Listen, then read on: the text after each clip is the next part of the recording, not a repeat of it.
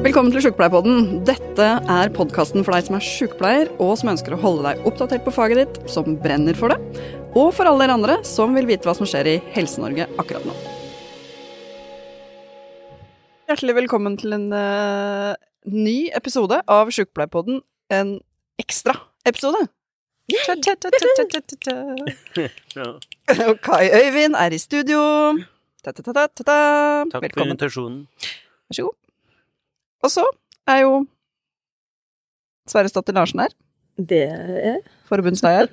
Og Silje Nausvik, nestleder. Nestleder. Mm.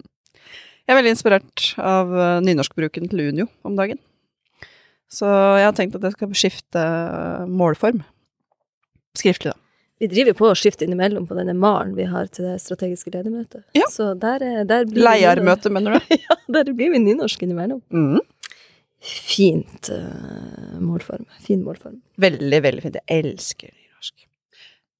Kaiven ser veldig sjokkert ut. Nei, nei, Men, det, eh, det er jo alle- fint, det. Ja. Men hvem av oss er det som skal ivareta eh, kvoten her nå, av oss tre? Det blir jo ikke meg. Nei. Nei. Nei, nei. Du kan jo slå om trøndersk, da. Ja, jeg kan jo prøve det. Men uh, vi eh, har uh, bevega oss inn i studio for å gjøre en liten uh, spesialepisode av uh, Sjukepleierpodden, fordi vi er i uh, land med oppgjøret i KS, staten, og eh, nå aller sist, i natt, i Spekter. Ja. Det var, eh, det var, det var godt. Skal jeg ærlig talt eh, si at jeg er letta og relativt fornøyd innafor det som er mulig å være fornøyd eh, med i eh, forhandlingssystemene sånn som det fungerer. Men, men det, var, eh, det var en god følelse å gå, gå hjem i natt med en enighet og med flere viktige gjennomslag fra vår side. Jeg har lyst til å rose arbeidsgiverne vi har møtt også. Det er jo ikke Vi møter jo selvfølgelig en motpart, men vi har møtt en eh, både i Spekter, men også i KS og i stat. Vi møter seriøse arbeidsgivere som tar eh, både kravene våre og oss eh, på alvor. Det er ikke noe, jeg har jo sagt det før, det er ikke noe å gå inn i en godtebutikk. Noen ganger så kan det oppleves som å gå i en butikk, og det eneste du har å velge mellom er en bugg som er rosa eller svart. Men det her har opplevdes i Spekter her som, som reelle forhandlinger, både på ramma og på, og på ikke minst profil. Mm. Og i år da, så er det sånn at eh, det er hovedoppgjør, det vil si at vi har forhandla om både penger og hovedtariffavtalen. Og så er vi i forbundsledelsen, vi har fordelt oss, sånn at vi har ansvar for et av de store områdene hver. Kai Øyvind har for staten, og Lill har øh, Spekter, og jeg har KS. Så det jeg tenkte vi rett og slett skulle bruke en liten halvtime på, var å gå gjennom øh, resultatene, litt sånn å snakke litt rundt de ulike tariffområdene for dere som lytter til Sjukepleierpod denne gangen. Skal vi begynne med Spekter, kanskje? Ja. Kan du ikke si litt om bare hva er Spekter, aller først? Ja, Spekter er jo sykehusene. Mange ganger så er det medlemmer som tror at altså, sykehusene er jo stat, sånn at stat blir jo ofte misforstått som at det er sykehusene. Men det heter Spekter, som er arbeidsgiverforeninga som, eh, som organiserer helseforetakene. Eh, og sykehusene, da, i så måte. Mm. Mm. Og der eh, møter du en forhandlingspart eh, som mange sykepleiere kjenner til, tror jeg. Ja, og som provoserte sykepleieren tidligere. Anne Karin Brøtten, da, som hun Ja. heter, som provoserte med å snakke om eh, mastersyke tidligere, og caffè latte. og sykepleiere som eh, var mer villige til å sitte på kafé og drikke caffè latte og trene enn å, enn å være på jobb. Eh, Anne Kari Bratten er ei skikkelig bra dame, eh, som, eh, som styrer Spekter eh, godt. Og, eh, og som sagt, det er en seriøs arbeidsgiver som vi møter. Det, det, det, hun, er, hun er morsom, Mm. og vi har en god relasjon til henne. Og det går an å være direkte med henne, både når vi er misfornøyd, og det er vi jo innimellom, absolutt, og når vi er fornøyd. Og hun eh, gjør akkurat samme direktheter tilbake. Mm. Det funker bra. Det Det, funker liker du. veldig bra for meg. Eh, det er noe med å vite hvor man har folk hen. Eh, Anne Kari Bratten er bra, da. Virkelig. Mm. Og da, det som er litt, og litt annerledes uh, for Spekter, da, uh, det er jo det at dere fant jo en forhandlingsløsning og var ferdig uh, liksom rundt midnatt. Mens eh, vi eh, i KS og Stat, eh, vi måtte til mekling og satt langt utpå Ja, når var dere ferdig på dagen? Vi var ferdig klokka 18, så det var jo 18 timer på overtid. Fristen er jo ved midnatt. Sånn at det ble 36 timer arbeid siste, det siste døgnet, eller hva man skal kalle det, før vi, før vi landa en enighet. Eller før meklingsmannen kunne lage en skisse, som det så fint heter, som vi kunne akseptere. Ja, fordi vi kan ta det jo helt innledningsvis. Hva er eh, Lill, du ble enig i forhandlinger. Hva, hva er forskjellen på det og mekling? Man går først inn i forhandlinger med arbeidsgiver, og da har vi med oss noen krav, og det gjelder jo i alle områdene, ikke sant? Og så kan arbeidsgiver komme med motkrav, eh, eller tilbud, alt dette kan de kalle det for. Og så er det en forhandling. Og hvis vi da blir enige, så har vi jo sånn som nå en enighet i Spekter, som vi da anbefaler forbundsstyret i NSF, for det er jo forbundsstyret oss som, eh, som godkjenner eller ikke. Så vi har en anbefaling til det, om enighet i Spekter. Mens i, sånn som i KS og stat, så ble det brudd i forhandlinger. Man klarte ikke å finne frem til en enighet eh, der, og da går det jo videre til riksmekler. Eh, og det kan jo ta variabelt tid, altså ut ifra når riksmekler har tid. Og for uh, dere så var det jo omtrent samme tidspunkt, da, på 23. mai, som var frist. Altså dere begynte jo å mekle helga før, og hadde frist 23. mai. Og hvis man da ikke blir enig, eller finner at ikke meklings, uh, riksmekler finner en løsning, så blir det jo da streik. Det er mange som lurer på hva er greia med å sitte på natta og forhandle? Har du funnet ut av det enda, eller å mekle? Har du funnet ut av det, Kaivind? Ja, det spørsmålet har jeg stilt meg òg, Mm. og det tror jeg alle som sitter i slike meklinger eh, stiller seg spørsmål om. Men det er vel kort og godt det at eh, man har en vane, uvane, litt etter hvordan man vurderer det, med at eh, man starter med de temaene som er lettest Mm. i en mekling, jobber seg gjennom det. Hvor kan vi finne enighet? Riksmekler er veldig opptatt av det, få rydda disse tingene av veien. Og så gjemmer man gjerne de vanskeligste tingene til eh, ikke bare det siste døgnet, kanskje, men gjerne til de siste timene før fristen for meklingen går ut. Eh, Og det betyr at eh, vi egentlig kommer i en posisjon hvor vi er nødt til å fortsette, fordi vi trenger mer tid for å bli enige. Så det handler egentlig om at vi nok både må bli presset på tid, og at de viktigste sakene kommer mot slutten av meklingen. Og det vil være, jeg vil nesten gå så langt som å si at det vil være uansvarlig av oss å og da bare gi oss, selv om fristen er der, fordi vi er nødt til å diskutere oss gjennom også de vanskelige og viktige temaene. Sånn som for statens del, så, så innebar jo det som vi var inne på, at vi gikk ganske mange timer over frist. Men eh, samtidig så endte vi jo med en anbefalt løsning Mm. Som vi ikke hadde hatt mulighet til eh, å komme frem til innen fristen. Mm. Så da var det jo smart, da, å holde på eh, en stund over frist. Vi skal si litt mer om det. Men vi tar uh, Spekter. Fordi du møter sjukehusene. Anne Kari Bratten sitter ved forhandlingsbordet. Hun har med seg et sånn forhandlingsutvalg. Og det Mm. samme har du, Lill. Mm. Eh, forhandlings, et forhandlingsutvalg fra NSF, faktisk. Der har vi ikke noen andre forbund når vi sitter og forhandler med Spekter akkurat der. Hvorfor Nei, er det sånn? Fordi, ja, vi, det er jo Vi har jo egentlig det, eh, for det er jo eh, Vi begynner jo forhandlingen med Spekter, altså med sykehusene, som Unio. Mm. Uh, Unio Spekter. Og da er det jo med fysioterapeuter, radiografer, det er Forskerforbundet, det er noen lærere i Utdanningsforbundet, det er bibliotekarer, det, altså det, det er flere Mm. som også er i de gruppen her. Um, men så er det, da er det ikke sant, det heter A1, eller A, A0 og A1 forhandlinger som er først, og det er egentlig mer sånn noen som en tekniske formaliteter, det kan gå på om det er, altså det er ikke penger Nei. i de forhandlingene, og Mm. der er vi, der er vi samlet i Unio. Så da blir vi enige, jeg er forhandlingsleder også i, i Unio Spekter, da blir vi enige der, for om vi da går videre til det som heter A2. Men A2, da skiller vi lag, så da er NSF for seg selv, mens fysioterapeutene er for seg selv, og så er det noen av de mindre forbundene som, som kun har B-delsforhandlinger, så de forhandler kun lokalt. Og de er jo selvfølgelig også for seg selv. Så da, men siden vi er størst i NSF, Norsk Sykepleierforbund er størst, har flest medlemmer i dette området, så går vi først. Det betyr at vi forhandler først, og de andre da forhandler deretter ut ifra det vi selvfølgelig får gjennomslag for Mm. på ramma. Mm. For vi har ca. 40 000 medlemmer i 40 000 medlemmer i Spekteret. Mm. Mm. Ja, hva er det som gjør at du, du sier at uh, du var fornøyd når du gikk hjem fra forhandlingene fra Spekter denne gangen?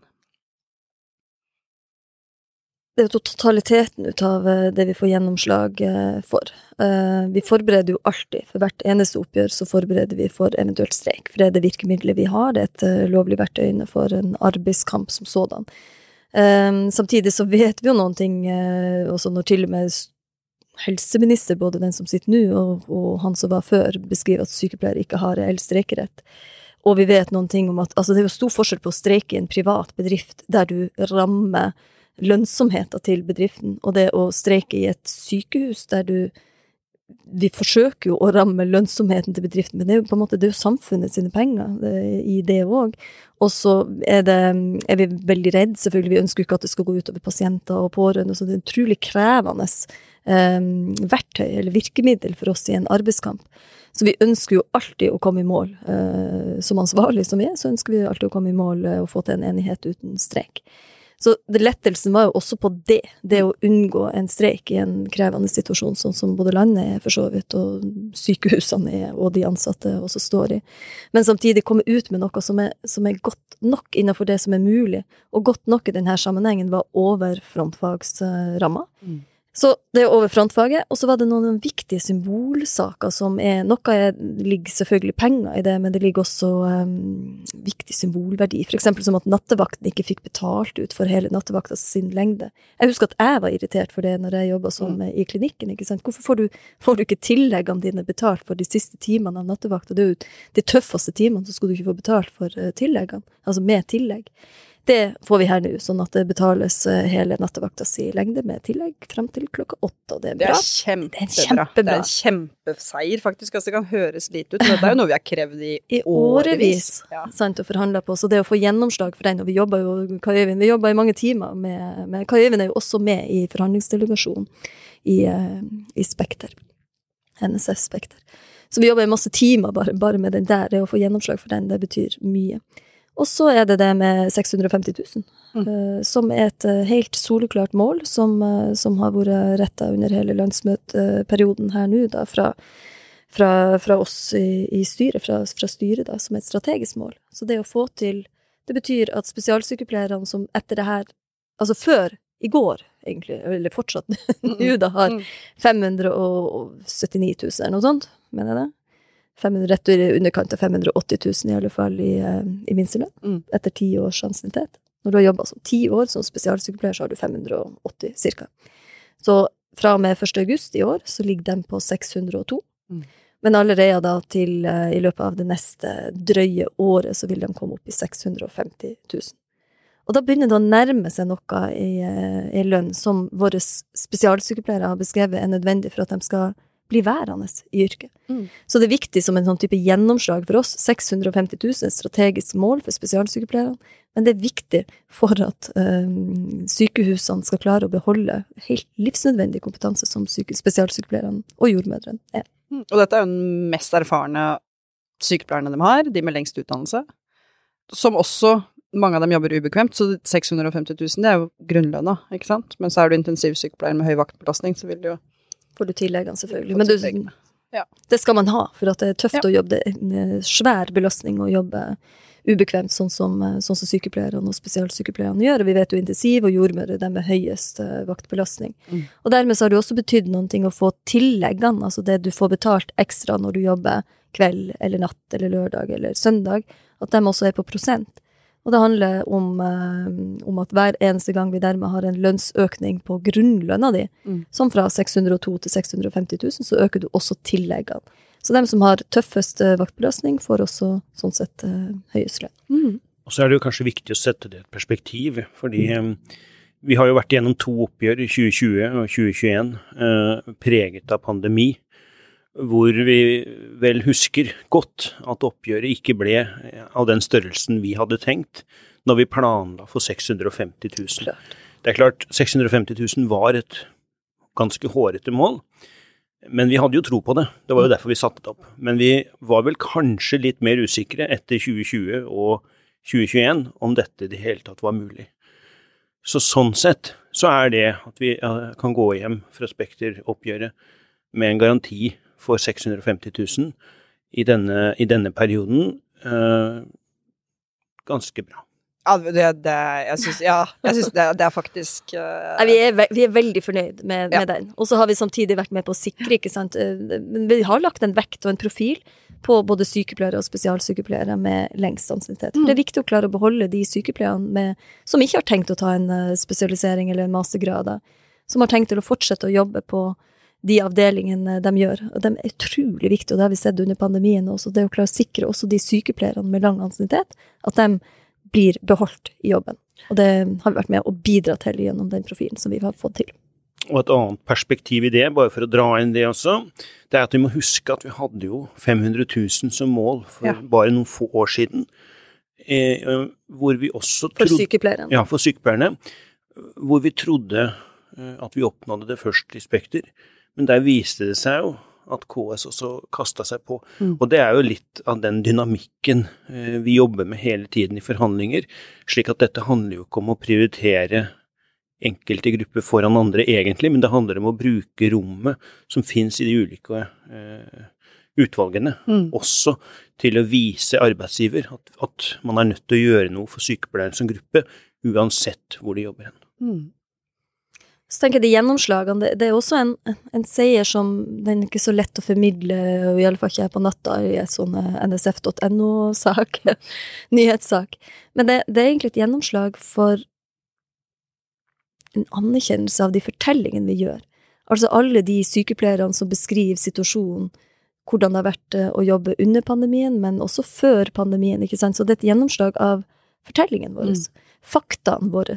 Eh, Det å bli anerkjent på at jo, vi ser behovet for at uh, sykepleiermangelen er såpass alvorlig, vi må gjøre noen grep for å klare å rekruttere, mobilisere tilbake dem som vi eventuelt har mista, ikke bare eventuelt, men har mista, og ikke minst klare å beholde dem som er i jobb per i dag, og dem som er utdannet per i dag. Så det, det er også en, gjennom de forhandlingene som vi har vært i, og det gjelder egentlig alle sektorene våre, eh, men også sånn som her i går, da, i Spekter. Gjennom de forhandlingene så får vi òg tilbakemelding om at jo, vet du hva, vi er, vi har vi hørt på de fortellingene, vi har hørt på de faktaene, Mm. og så begynner arbeidsgiver å bevege seg i den retninga som er nødvendig for, for oss og for våre krav, selvfølgelig for å unngå en streik, men også for samfunnet, for at vi skal klare å opprettholde um, gullet vårt med felles offentlige helsetjenester. Så det er en sånn god følelse å gå hjem med, rett og slett, i går. Så bra. Er det noe mer du vil trekke fram fra Spektforhandlingene, eller var det liksom hovedseierne våre? Som jo er veldig bra, altså. Ja, nei, det er hovedscenen. Og så er det lørdag- og søndagstillegget. Vi, vi, ja. vi jobber jo alltid for vi, altså det er jo det er jo noe med at du får bedre betalt for en torsdagskveld eh, om du tar en ekstravakt, enn om du tar en søndagsmorgen. Og vi vet jo noen ting om en helgeproblematikk som, eh, som det har vært viktig for oss å, å få til en økning av lørdag- og søndagstilleggene. Vi har dem over på prosent. Eh, det er bra. Det betyr at igjen, eh, dess høyere grunnlønn, dess høyere får du også på tilleggene.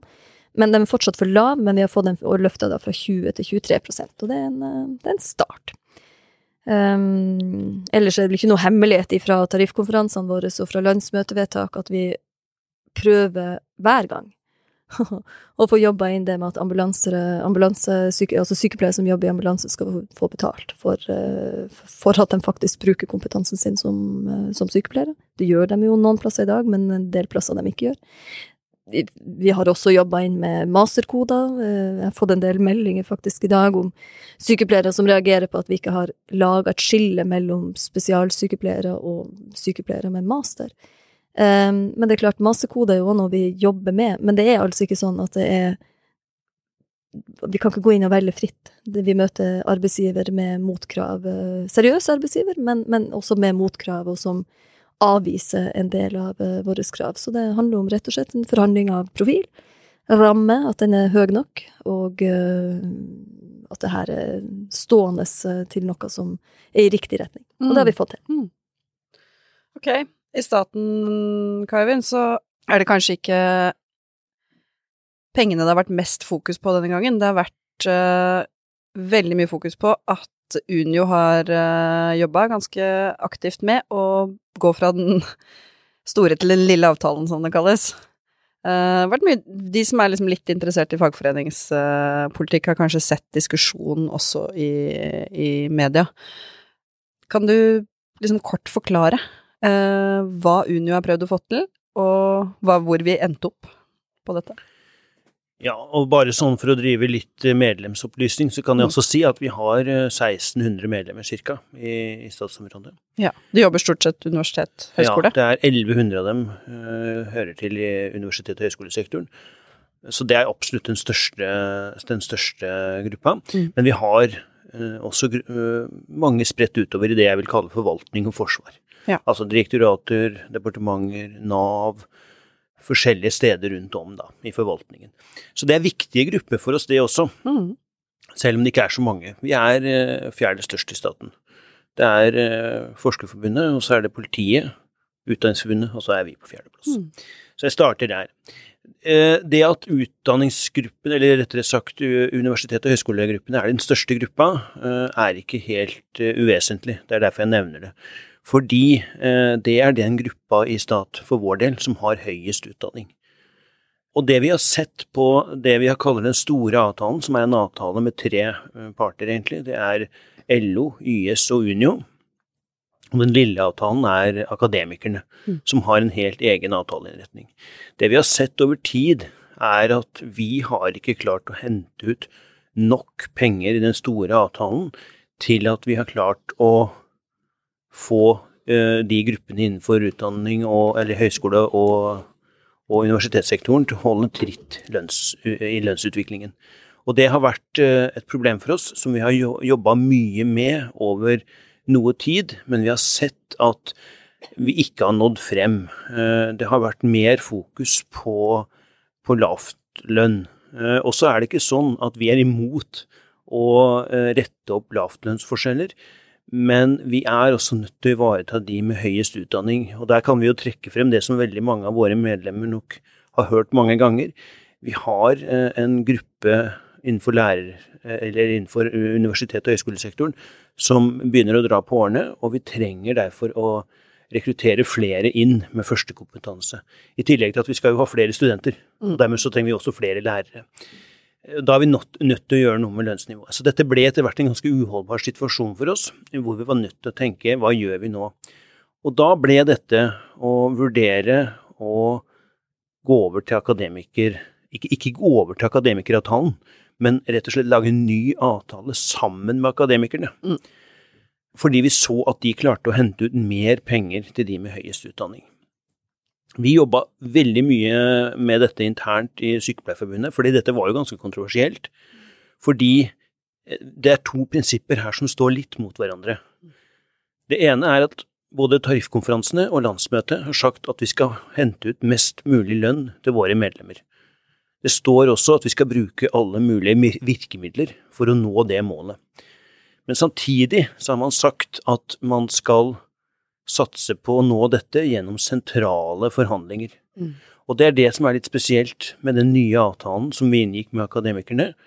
Det er at her vil forhandlingen om størrelsen, altså antall kroner som skal fordeles, forhandles sentralt, men fordelingen av pengene skjer lokalt. Mm. Og det er jo litt kontroversielt. Men etter en ganske nøye vurdering, hvor vi alle tre egentlig var involvert sammen med forhandlingsavdelingen, og jeg var jo selvfølgelig med i alle diskusjonene i selve statsutvalget, så kom vi til slutt til at dette var den retningen vi måtte gå. Vi, vi, vi skylder medlemmene å bruke alle virkemidler, og da er dette et ganske kraftig virkemiddel. Så det gjorde at eh, når vi nå har vært i mekling og gått ut med en avtale sammen med akademikerne, så har vi noe å bygge på. For vi har ikke løst alle problemene våre med denne løsningen, men vi tror at vi nå over noe, noe tid, de kommende oppgjørene, vil klare å hente ut mer penger til våre medlemmer i denne avtalen enn det vi har gjort i den avtalen vi var del av tidligere. Det er, jeg vet ikke om det er en myte eller om det er sant, men er det sånn at du tjener mer som lærer på videregående skole enn du gjør som lærer på høyskole og universitet? Vet du det? Nå er det jo du som kjenner lønnsnivåene i KS best, men eh, så, vidt jeg forstår, etter å ha sett raskt på tallene, så, så er nok ikke det langt unna sannheten. Det er ikke en myte, sånn som jeg kjenner fra universitetsområdet. Vi hadde flere, flere lærere, faktisk, som eh, Eller lektorer, eh, sykepleiere med master, som slutta. Ja. Eh, Vi fikk klart ikke beholde dem på universitetet, de gikk over til, eh, til videregående skole i stedet. Ikke Som tjente mye bedre. Vel, eh, lektor med opprykk, som det heter i, i kommunal sektor, da, det, da har du jo seks eller sju års uh, høyere utdannelse. De tjener nesten 600 på 16 års ansiennitet. Jeg gikk jo ut Nei, nesten av, 700. eh, Unnskyld. ja. Nesten 700. Unnskyld. Ja. Jeg, jeg gikk ut med 580 000 i 2019. Når jeg ble valgt som forbundsleder, så gikk jeg ut med 580 000, altså sykepleier med master og doktorgrad, jobba som forsker og eh, altså som førsteamanuensis på universitetet. ja, ikke sant. 580. Så det er, jo, det er jo det lønnsnivået der som på en måte har vært beveggrunnene, som du sier, Gavin, for at vi må gå inn og se på er det andre virkemidler, er det andre avtaler, kan vi gjøre det på andre måter? Absolutt. Og bare for å også si det, at de andre gruppene med både bachelor og master er også viktige for oss. Derfor så var det viktig når vi gikk inn i disse forhandlingene, at vi skulle ikke bare sikre de med førstekompetanse, men også de med master og bachelor. Mm. Det Bachelorgruppa har vi ikke helt klart å lande ennå, av ulike grunner. Der det er tatt inn en formulering om at man oppfordres til å avtale minstelønn for bachelor ute lokalt, i de forhandlingene som nå skal skje ute lokalt. Men det er jo noe vi tar med oss videre inn i, i fremtidige forhandlinger, fordi bachelorgraden er også viktig for oss. Det var en av de viktige elementene for oss når vi skulle lage denne avtalen, at vi må sikre minstelønn for noen av de utdanningsgruppene utover uh, førsteamanuensis, f.eks. Men det vil vel kanskje i størst grad gjelde politiets medlemmer? Det er som har mange med bachelornivå? Ja, det er den største gruppen, det er det. Mm. Eh, også som jeg nevnte innledningsvis, vi har, vi har også mange på bachelor og master, eh, men eh, de skal også sikres, så, så det er viktig for oss også. Politiet har jo i all hovedsak bachelorutdannede. Mm, mm. Det er noe i denne sektoren at det er så mangel på folk med førstekompetanse, og folk, med- altså folk med førstekompetanse er dem som enten har en doktorgrad eller eh, eller uh, første uh, Kjære, hva det heter. Så ser du, der er det meg med ph.d., så jeg er liksom opptatt av folk med doktorgrad. Men du kan også ta et annet løp som er med Tilsvarende doktorgrad kaller man det vel eh, ofte. Gjør du ikke? eh, Første lektor. Første lektor, ja. Kanskje. Nettopp. Ja. Men i alle fall. er to ulike, ja, får vi klippe inn en god forklaring. To ulike løp på det. Men poenget er at vi mangler jo så mange av dem. Eh, altså vi sliter jo med å få NOKUT-godkjente utdanninger. Og hvis vi ikke får NOKUT-godkjente utdanninger, så har, kan vi jo heller ikke utdanne sykepleiere, og ikke flere sykepleiere, sånn som er tillegg liksom plan. Så vi må ha en vekting inn mot, eh, inn mot flere. Hvordan klarer vi å rekruttere sånn sett flere til førstekompetanse, til, til, til master? Og etter hvert da til doktorgrad og førstelektorkompetanse. Mm. Men det betyr jo også at det er en del som blir ansatt med bachelor. Mm. Sant? Fordi vi får ikke tak i de folkene, og så håper man jo at de syns at uh, læreryrket for sykepleierstudentene er så artig, og det er det, Mm. og givende, at man har lyst til å gå videre og da få en For du får ikke fast jobb i universitetene uh, uten at du har um, en mastergrad. Ja, hvis man leser Sykepleien eh, denne uken her, så har jo, så har jo Marit Kirkevold skrevet litt om hvordan må vi organisere utdanningen vår. Æresmedlemmet vårt, Ja, Marit Kirkevold. det var fint du nevnte det. Glemte jo jeg. Eh, hun skriver jo litt om hvordan er vi nødt til å tenke annerledes på utdanningen av sykepleiere også. Og i hvert fall slik jeg leser det, eh, så betyr det at også lærere her vil få en større rolle i, i praksis og, eh, og simuleringspraksis, da, for å kalle det det, simuleringsutdanning. Hvis vi kommer dit at vi skal endre hvordan vi gjør dette med praksis også. Nå er jo det en, et langt løp, men det viser jo at her må vi også ha flere lærere, altså. Det, hvis, hvis vi skal få det til på den måten, som kanskje er en bedre utdanning enn det mange av våre, eller mange av studentene opplever i dag, da.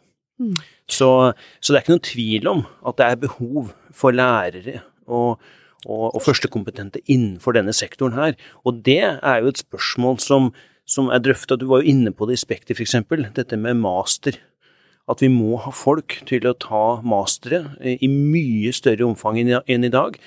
Annet fordi noen av disse skal gå videre i en akademisk karriere, sånn som du, Lill, har gjort, og etter hvert komme inn som, som lærere. Så er det mange andre grunner til å ta master. Mm. Vi skal ikke gå inn på alle dem nå, men, men, men det at det er for mange som ønsker master, eller at det er et problem at vi har mastere, det, det tenker jeg det er et veldig overdrevet problem. Da syns jeg alle som lytter til denne episoden skal gå tilbake og lytte til en episode vi lagde for et par ganger siden, hvor vi hadde besøk av to professorer i sykepleie, Edith Gjevjon og Bodil Blix. Der er det mange gode argumenter for hvorfor vi trenger at folk skal ta Ikke folk, at sykepleiere skal ta master og doktorgrad. Det var godt jeg ikke motsa de, da. Det hadde jo Ja, nei, det kommet dårlig ut hadde ikke tatt. Men jeg vil spørre om en siste ting, eh, så rett før jeg gikk inn i, i studio her nå i stad, så så jeg en artikkel som skrev at uh, vi gir fra oss uh, streikeretten, og at det er liksom helt uhørt. Uh, at en fagforening kan gi fra seg streikeretten på den måten som Unio har gjort i stat. Hva tenker du om det? Nei, det gjør vi ikke. Og så skjønner jeg argumentene, for vi trenger jo ikke å være mer, hva skal jeg si Vi kan jo være så etterrettelige at vi hadde vel litt den samme argumentasjonen, og, og vi uttrykte vel noe av det samme når akademikerne gikk over i det vi kaller akademikeravtalen. Og hvorfor vi gjorde det på den måten, eller sa det, det skal jeg ikke si, men, men for å være veldig kort på det, vi har streikerett på eh, potten penger, for å kalle det det. Altså hvor stort oppgjøret, hvor stor ramma skal bli, Mm. den som nå omtales i offentlig sektor som 3,84. Ja. Den forhandles sentralt. Altså hvor mye penger eh, våre medlemmer skal ha til sammen, forhandles sentralt. Og så er det hvordan skal dette fordeles på grupper eh, eller generelle tillegg eller individuelt. Mm. Det skjer ute, gjerne på den enkelte virksomhet. Eh, det er forskjellen. Så det vi kan streike på, det er størrelsen på hvor mye penger vi skal ha. Vi kan ikke streike på hvordan pengene fordeles ute lokalt. Men nå er det ikke så veldig ofte at man streiker på profil. Det er det vi kaller det når vi snakker om fordeling. Hvordan fordeler du penger? Da snakker vi gjerne om profilen på oppgjøret. Det har skjedd, så jeg skal ikke si at det ikke er mulig, men, men det er vanligvis eh, størrelsen på eh, potten, eller hvor mye penger vi skal ha som er streikerunnlag. Så vi eh, har vurdert dette selvfølgelig veldig grundig, og kommet til at jo, vi har fortsatt streikerett på, på lønnsoppgjøret også i stat. Ok, supert. KS KS, kommer vi også i land på. Ja. Det har vært et eh, det, det er krevende i KS. Det må være lov å si, eller hva tenker du, Silje? Jo, det er lov å si det. Um, Og det er ikke arbeidsgiver nødvendigvis heller i seg sjøl som gjør at det er, er særlig krevende i KS. Det, er forhandlingssystemet. mm. Kan ikke du si noe om det? Mm. Det er jo sånn i KS at øh, vi forhandler sammen med hele Unio-fellesskapet, som vi kaller det. Og øh, i fagforeningsverden så er jo dette med mm, størrelse veldig, veldig viktig. Ikke sant? Sånn som i Spekter så er jo vi øh, definitivt størst. I stat, som du sier, Kaivind, så har vi Var det 1400 medlemmer du sa? Ja. 1600. 1600, ikke sant. Mens Så det er jo åpenbart noen mange som er større enn oss der. Da har vi én stemme inn i forhandlingsutvalget. Mens i eh, kommunal sektor så er vi ganske store, vi har over 30 000 medlemmer. Men Utdanningsforbundet har dobbelt så mange. Og de sitter vi sammen med i, eh, i utvalget. Og eh, vi har litt forskjellige interesser, skoleverk og helse. Og det handler jo selvfølgelig om hva slags medlemsmasse vi representerer. Um, nå har jo Utdanningsforbundet vel 40 barnehagelærere, uh, og så har de resten har master eller mer. Så de har en ganske stor andel av medlemsmassen sin som har lang utdannelse. Fem-, seks- og sjuåringer, som vi ofte kaller dem. Uh, og de har kommet prosentvis uh, så har de hatt mindre lønnsutvikling siden de kom inn i kommunal sektor eller inn i KS. De var jo tidligere i staten. Så dette er en lang, lang liksom forhistorie, og jeg skal ikke dra hele den nå, men, men det, det Jeg tror ikke det er noe hemmelighet, da. Og det ser man jo også på hva som ble resultatet av uh, oppgjøret denne gangen, at uh, vi har ganske ulike utfordringer. Uh, jeg som representerer sykepleierne, og det Steffen Handal har som representerer lærerne. Og så sitter vi da i forhandlingsutvalget sammen, og han er forhandlingsleder for UNIOK, sånn som du er for Spekter. Og jeg er nestleder i det utvalget. Og så skal vi liksom snakke oss sammen. Hva er våre krav? Hvordan skal vi klare å både komme med krav som kan løse utfordringene i helse- og omsorgssektoren, og komme med krav som uh, møter det utfordringsbildet som skoleverket står i. Og så vet jo vi at KS de er jo en demokratisk organisasjon, som de kaller seg. ikke sant? De har ganske sånn som vi har, lange prosesser før et tariffoppgjør, hvor alle kommunene får komme med innspill på hva de mener at skal prioriteres. De har noe de kaller strategikonferanser. Og de strategikonferansene var jo ganske tydelige på at det er i helse- og omsorgssektoren uh, hvor behovene er størst ute i kommunene. Og det, det, det, er jo en forståelse som vi i Sykepleierforbundet uh, har delt med KS. Vi har sagt både etter noen oppgjør vi har hatt de foregående årene, men også i samarbeid vi har hatt, at det er eh, store utfordringer med å klare å rekruttere og beholde ikke bare sykepleiere, men liksom spesielt de med høyere utdannelse i, i helse- og omsorgssektoren. For det, ikke sant, I utvalget er jo én ting, for der, der, der er som du sier, der, der er vi altså Sykepleierforbundet, og så har du Utdanningsforbundet. Mm og Utdannelsesforbundet er størst. Mm.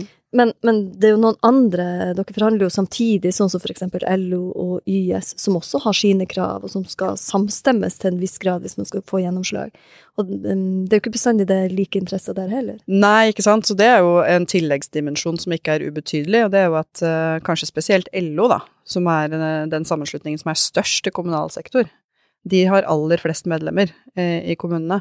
altså, de er jo en kjempe rundt dette forhandlingsbordet, og setter veldig mye av premissene. Og de har jo helt andre, ofte da, helt andre prioriteringer enn eh, oss igjen. Uh, de ønsker ofte en lavt lønnsprofil, hvor de prioriterer de med eh, de ufaglærte eller fagarbeideren. Sånn at ære være KS, fordi dem skal virkelig merge utrolig mange interesser. og få til veldig mye forskjellig. Alle, og liksom det er vel litt sånn at hvis alle er litt misfornøyd, så har man um, så har man kanskje gitt det som skal gis. Dette er jo lett å kjenne seg igjen i for meg som sitter i stat, mm. for derfor handler også alle fire hovedsammenslutningene, Akademikerne, Unio, LOIS, samtidig. Ja. Og, og med, med, staten, som egentlig ønsker at disse avtalene skal se ganske like ut. Mm. Så det gjør det utrolig komplisert, fordi hvis noen da aksepterer noe underveis, så blir det veldig mye press og, og spill frem og tilbake. Ja. Så, så, så, det, og jeg som da også kjenner Spekter godt, så er det liksom en, en helt annen situasjon å sitte i Spekter, hvor vi jobber helt annerledes. Mm, mm. Og det er jo det som er litt interessant, for mer du blir kjent med tariff, eh, som virkelig er et eget fag, og vi har utrolig gode folk på tariff i Norsk Sykepleierforbund, eh, så, så, skjønner du at liksom strategiene og måten du jobber på må kanskje være litt ulike, da, i de mm. ulike områdene. Og så er det kanskje slik at det kan være lettere å få gjennomslag for noe noen steder og noe annet andre steder, fordi det er helt ulike dynamikker. Ja. Og det skal man også ha med seg, da, at det, er jo Jeg vet ikke om det er lov å si det sånn på den måten, men det er jo et spill, dette her. Mm. Uh, og det Man må spille på ulike måter mm. i de ulike, ulike, områdene. Og det, det har i hvert fall jeg lært mye av gjennom å nå få innsikt i enda flere av områdene våre. Jeg var jo veldig godt kjent med Spekter, og skjønner jo at det Eh, har gjort at jeg kanskje har hatt nytte av å lære de andre, fordi det, det sier noe om hvor, hvordan vi må jobbe, og, og, hvorfor vi ikke alltid får det helt sånn som vi har tenkt det. Mm. Men så er det vanskelig å forklare ut uh, også. Du ser kommentarfeltet og medlemmer som henvender seg til, til, til oss og mm. til andre tillitsvalgte i, i Sykepleierforbundet og sier ja, men hvorfor arbeider ikke vi like hardt for medlemmene våre i KS som i Spekter, f.eks. Mm. Eller i dag fikk jeg melding om at fra et medlem i KS som var skikkelig skuffa og mente at det var typisk med en leder som kom fra sykehus. Og så tenkte jeg mm, jeg har nå forska på, på kommune, ansatt i stat og jobba mye av min kliniske erfaring fra sykehus sykehus. Men i alle fall, typisk leder som kommer fra sykehus, at jeg bare brydde meg om sykehus. ikke sant? Mm. Men det er liksom vanskelig for medlemmer å forstå nettopp den, det her, hvor vi er nødt til å gjøre det ulikt. Og det er ulike system eller strukturer da, som sådan vi forhandler innafor. Ja. Og ramma er jo egentlig blitt det samme. Og så er profilen annerledes, og de gjennomslagene vi får, er er annerledes i de, de, ulike sektorene. Det gjelder jo også Oslo kommune, som vi ikke prater om her i dag. Det er Bård Erik Ruud som, eh, ja. som, eh, som, er fylkesleder i, eh, i Oslo, mm. og i forhandlingsdelegasjonen i, i, Oslo kommune, som er et eget da, som forhandlingsområde. Han er ikke her i dag. Mm. Men, men, men, poenget er at det, det, dermed får vi litt ulike gjennomslag. Men mm. hva er du mest fornøyd med av de gjennomslagene vi fikk i KS? Ja, nei, for vi, bare for å si det, da, at vi valgte jo å akseptere. Og jeg er ganske fornøyd, eh, rett og slett, med det vi fikk til i KS. Um, jeg tror det er tre ting jeg har lyst til å, å trekke fram som jeg syns var uh, veldig viktig for oss. Uh, det ene er det at vi har kjempa i mange, mange år for å få gjøre om helgetillegget og nattillegget til prosent. Altså ubekvemstillegg har vært 56 kroner i kommunen lenge. Og så har vi hatt en såkalt eh, helgetrapp, som vi har vært motstandere av hele tida, fordi den har gitt altfor lite uttelling i økonomi for å jobbe ekstra helg. Så det er jeg kjempefornøyd med. Helgetrappa er borte, og vi har fått eh, prosent på lørdag, søndag og natt. Dessverre ikke på kveld ennå, men det tenker jeg Men det er kjempeviktig, og det er et Ja. utrolig viktig gjennomslag. Som du sier, at det har vi jobba med lenge, og som jeg sa her i sted, til Spekter, eh, så er det jo noe der, Dermed så er det jo Dess høyere vi får grunnlønna, så stiger eh, ubekvemstilleggene også. Vi trenger ikke forhandle dem på samme måten hver eneste gang. Nei, og det er så utrolig viktig, for de 56 kronene som har vært i kommunen nå, de har vært i ti år, og 56 kroner er jo ikke det samme i dag som det var for ti år siden, ikke sant? Så Og her ligger det mye penger. det ligger mye penger. For dem som er jobber viktig- ubekvemt. også. Og så Mm. er det viktig også dette i konkurran eller, ja, konkurransen med, med sykehusene, Ja. som jo har prosenttillegg. Så det, så det er jo hele tiden denne Det er jo her jeg mener vi, vi synliggjør en strategi på at vi hjelper hverandre i de ulike områdene her. Sånn at det er eh, KS-medlemmene er veldig viktig for oss, for det er, i, eh, det er jo i KS eh, vi virkelig har sett en voldsom utvikling, og kommer antageligvis til å fortsette å se en voldsom utvikling med behov for kompetanse. Mm. Så kommunene, og det er viktig for oss også å ansvarliggjøre kommunene, tenker jeg, på at de må også være med her for å bidra til at vi faktisk får en, en ja, det blir kanskje et litt sånn eh, et klisjébegrep, men altså bærekraftige helsetjenester i kommunene fremover. Ja. Det, det tenker jeg det, og det har vi en felles interesse av, og det tror jeg dere har klart veldig godt å, å, å, um, å formidle i dette oppgjøret her. Mm. Og jeg ble veldig veldig glad når jeg så at Spekter hadde fått til utvaktens lengde. Det er jo en ting som ikke vi fikk til, som vi ikke fikk gjennomslag for, men som vi selvfølgelig krevde. Og det som er, er at eh, når eh, Spekter får det til, så blir det Det er en brekkstang, ikke sant? Sånn at nå har vi fått prosent. Veldig viktig gjennomslag. Kanskje får vi til utvaktens lengde ved neste korsvei. Så det er det ene jeg har lyst til å trekke fram. Og så det andre er det at uh, tidligere så har det kun vært tjeneste i det offentlige som har gjort at du har fått ansiennitet når du har blitt ansatt i kommunal Og det er superviktig. Nå er det både privat og eh, offentlig tjeneste som gir deg ansiennitet. Så for eksempel for en sykepleier, de er ofte litt voksne, spesielt i Distrikts-Norge, så er det ofte sånn at du kanskje tar sykepleierutdanning når du eh, er litt eh, voksen. Og så har du kanskje jobba på bensinstasjonen eller liksom i en, i en hjørnesteinsbedrift i bygda di eller noe sånt i mange år før. Og tidligere så fikk du jo ikke da opptjent ansiennitet for det. Det vil du nå gjøre. Og da vil mange bli innplassert høyere på stigen når de begynner som sykepleiere. Så det er jeg kjempefornøyd med. Og det tredje jeg har lyst til å si, det er eh, lederne våre, som vi har klart å prioritere.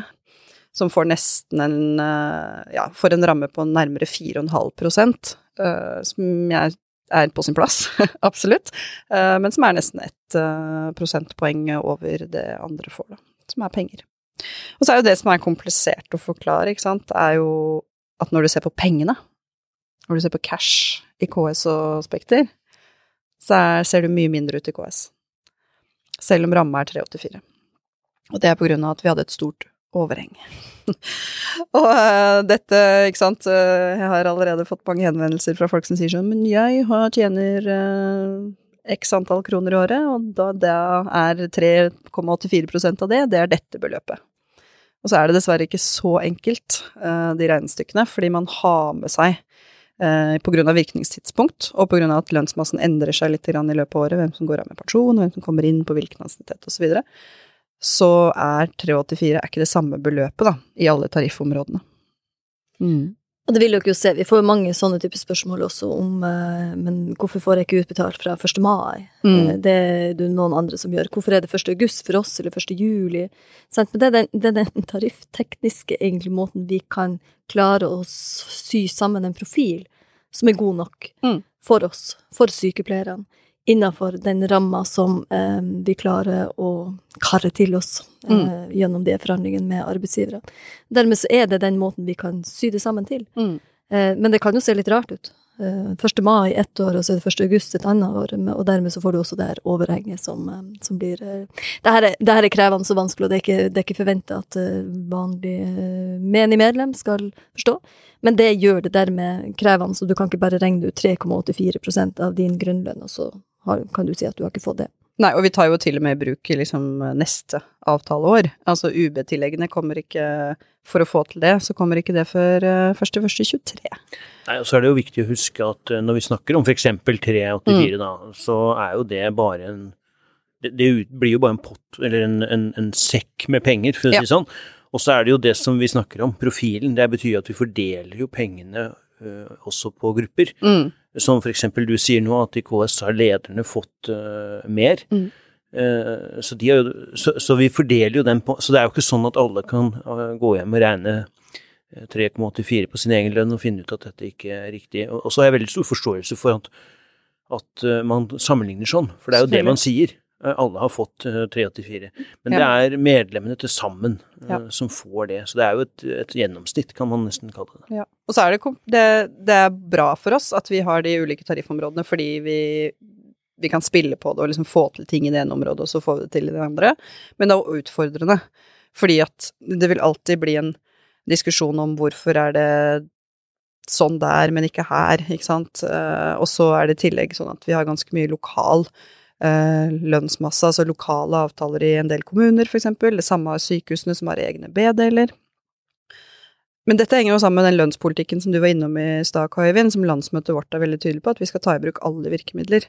Og da betyr det både lokale avtaler og sentrale avtaler, og det betyr sant, at vi kan få til ulike ting, og vi må akseptere litt ulikhet, fordi at vi veit av erfaring at det vil dra eh, alle, eh, også på et seinere tidspunkt, da. Ja, og så blir det som Lill var inne på helt i, helt i starten her, vi møter jo også en motpart som kan ha andre interesser enn oss, og det må vi også hensynta. Mm. Eh, jeg tror eh, vi, vi, har sagt det litt sånn at eh, hadde vi bare kunnet plukke og velge og, og, og lage oppgjøret sånn som vi vil selv, så hadde nok dette sett annerledes ut. Men så er det sånn at altså arbeidsgiver har definert at de har noen behov, mm. og så må vi nær sagt kjøpe og selge underveis her, inntil vi blir enige om hvordan dette skal se ut. Eller eventuelt vi ikke blir enige, da. Mm.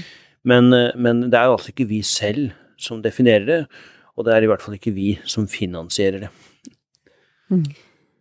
Jeg tenker det er også viktig Jeg har lyst til å, jeg har lyst til å rose folkene eh, våre i organisasjonen, både som ansatte og som tillitsvalgte på ulike nivå. For det, de gjennomslagene vi får til i uansett sektor, om det er stat eller Oslo kommune eller KS, som er resten av kommunene, eller Spekter, som er sykehus. Uansett gjennomslag, så er det jo ikke det er jo ikke vi tre eller fire med Bård Eirik som sitter og, og, får dem til alene. Det er jo i lag med det arbeidet som gjøres hele året. Mm. Eh, over flere år det med å ha fått frem de fortellingene fra, fra sykepleiere på ulike nivå om hvilke erfaringer de har, eh, hvordan de vurderer arbeidssituasjonen, lønns- og arbeidsvilkårene sine, det å slutte eller ikke slutte, hva trenger man, hva er de positive historiene, det er viktig. Mm. Det å gjøre Vi har utrolig dyktige beregnere mm. i organisasjonen vår, også ansatte hos oss, som, som Ikke sant? Vi sitter og regner på en enorm lønnsramme, altså lønnsmasse. Hva som ligger innenfor alle de sykepleierne som vi har. Mm. Det, det, det, er mye, mye penger, ikke sant. Så det skal regnes riktig òg, og samstemmes mot arbeidsgiver sine beregninger, ikke sant. Sånn at hvis vi gjør feil der, så kan vi enten tape penger, eller uh, selvfølgelig i beste fall få, få ei ekstra ramme. Det bruker ikke å skje. Men, men poenget, det må, være, det må være riktige beregninger også.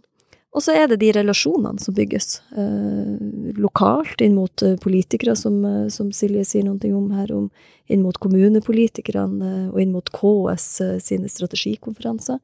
Men også mellom de ulike Altså mellom, mellom meg og Anne Kari Bratten, for den saks skyld. At vi har tillit til hverandre. En forhandling er jo nettopp det, det er en forhandling, men da må du også ha en tillit, hvis du skal kunne stole på hverandre eh, for å få de gjennomslagene som vi trenger. Mm. Så det er en, en passivt arbeid som er gjort av tillitsvalgte på ulike nivå. Av ansatte på ulike nivå, og selvfølgelig, jeg syns vi skal rose hverandre også. Det her har vi fått godt til, og så er det en start. Det betyr ikke at det løser alle de utfordringene som er, det løser, løser lite med tanke på sykepleiermangel, men det er, det er et viktig skritt i riktig retning. Eh, det er en vekt på den foten som, som gir mer til sykepleietjenesten. Det er ikke bare sykepleiere i det, men til Nei. sykepleietjenesten til helsepersonell. Og så tenker jeg at for medlemmer også, så er det lov å være misfornøyd og tenke at det her er ikke godt nok. Eh, ta det utover, eh, ta det utover meg, i så fall. Ikke de tillitsvalgte som er, som er lokale, og som kanskje i liten grad også kan forklare alle de her, eller i mindre grad kan forklare de her tekniske, altså med overheng og glidning og så videre, og hvorfor ting blir sånn som det er. Men still de spørsmålene til tillitsvalgte på en god måte, og ta det, dem som er misfornøyd, ta dem, ta, ta dem med meg, så svarer vi så godt vi, eh, vi kan. Mm. Og så har vi jo det i bakhodet at dette er jo et evighetsarbeid. Så vi har lov å, etter en sånn natt som dette, og netter for noen av oss, eh, være så fornøyd at vi sier at dette anbefaler vi. Og så vet vi at eh, nå starter arbeidet ganske med en gang med å forberede oss igjen til mm. neste runde eh, neste år. Fordi det er jo sånn, vi kommer jo aldri i mål her. Det skal jo hele tiden forberedes og jobbes inn mot det oppgjøret som, som kommer året etter, og året etter der igjen, osv. Og, og i det ligger det også å forbedre streikerettigheter. Det å faktisk få regjeringa og Stortinget på banen på hva mener de egentlig om reell streikerett for uh, vår sektor. Er det her et virkemiddel vi skal holde på med i årene fremover, eller skal vi finne på noe annet? Eh, også det at uh, det er klart at ansvaret for helsetjenestene er det jo ikke vi som sitter med som sådan. Det er ikke arbeidsgiverne alene, det er trepartssamarbeid. Og i det trepartssamarbeidet så er det definitivt regjering og storting. Så med en sykepleiermangel som er så stor, økende og dramatisk, eh, med konsekvenser for, for oss som befolkning, eh, så må det skje noen ting fra et regjeringsnivå, stortingsnivå, også. Mm, ikke sant. Det er ikke løselig bare med tariffoppgjørene med selv om, selv om, vi sier det er mye penger i de her promillene og tidelene og hundredelene som vi klarer å få til, så er det likevel ikke løselig på de store utfordringene i helsetjenesten knytta til sykepleiermangel. Mm. Og det jobber vi med politisk uh, hver eneste dag. Og så klarte vi å unngå konflikt uh, denne gangen. Det er vi glad for. Det er medlemmene våre glad for òg, for de er ikke spesielt glad for å bli tatt ut i konflikt, men de er jo klare for å gjøre det når de må. Altså, vi streika jo i fjor uh, i både i tre tariffområder. Og det, det, var ingen som klagde, for å si det sånn. De, var de veldig klare i år òg, men, mm. men, de sier jo noen ting om at hvem er det det går utover? Ja. Og hva er det vi får igjen for eventuelt en streik? Altså når det kommer uh, ordførere og kommunedirektører i KS-området og sier at ja, det, vi har forberedt uh, for uh, planlagt for streik i dette området, og det, da sparer vi penger, vi har forberedt for det i budsjettene våre. Ikke sant. sant. Så vi har det også i mente, men det er derfor det er så viktig at vi også jobber med et kontradiksjonsrett som Stortinget har valgt valgt å flytte til høsten, f.eks., på et skriftlig spørsmål fra Rødt, blant annet. For å ikke blande seg inn i oppgjøret. Men jeg bare si at da i KS, eh, bare for å avslutte den eh, der, siden det ble sånn der at uh, utvalget ble delt Det ble jo, altså det var ryddig håndtert av Utdanningsforbundet, for jeg sa jo i, stad at de har flertall. Men de, vi gjorde det sånn at de valgte å stemme blankt, fordi at ikke dette var et bra nok oppgjør for uh, skoleverket. Og så hadde dem uh, Unio godtok. Det vil si, der sitter det jo også ergoterapeuter, fysioterapeuter, bibliotekarer, maskinister, øh, Forskerforbundet Ja, ikke sant? Alle vi andre godtok. Uh, Utdanningsforbundet stemte, stemte, blankt. De hadde forbundsstyremøte to dager seinere, og de går nå i konflikt. Sånn at det mm. blir en lærerstreik uh, i Bergen.